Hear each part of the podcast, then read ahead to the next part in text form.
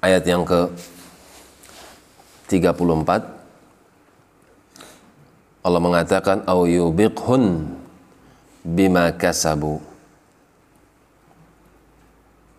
Kalau Allah Subhanahu wa taala berkehendak dia bisa saja menghancurkan kalian membinasakan kalian yang sedang melakukan safar di darat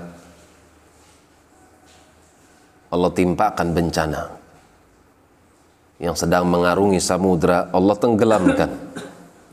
Bima kasabu disebabkan karena perbuatan kalian yang berjalan di atas daratan. Bisa jadi dia sombong dengan kendaraan yang dia tunggangi atau perjalanan yang diinginkan padanya kemaksiatan. Demikian pula seorang yang mengarungi samudra yang mungkin dia sombong berjalan di atas lautan atau dia menginginkan sesuatu yang buruk dari perjalanan tersebut.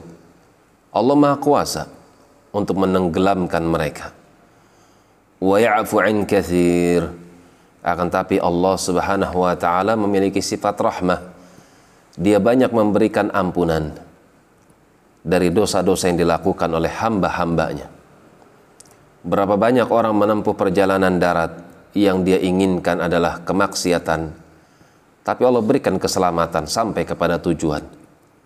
Berapa banyak mereka manusia berjalan atau mengarungi samudra di lautan yang mereka inginkan padanya kemaksiatan, akan tapi Allah selamatkan mereka wa ya'lam alladhina yujadiluna fi ayatina dan Allah Maha tahu dari hamba-hamba yang menentang mendebat ayat-ayat Allah.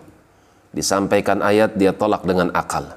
Disampaikan ayat dia tahrif. Dia selewengkan maknanya. Allah Maha tahu.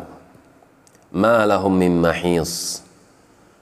Akan tetapi bagi mereka orang-orang yang menentang ayat-ayat Allah Subhanahu wa taala mereka tidak akan pernah bisa menyingkir. Mereka tidak akan pernah bisa menghindar dari petaka yang sudah Allah siapkan bagi mereka orang-orang yang menentang ayat-ayatnya. Demikian wallahu taala alam bissawab. Subhanakallahumma wa bihamdik. Asyhadu an la ilaha illa anta astaghfiruka wa atubu ilaik. Tafadalu barakallahu fikum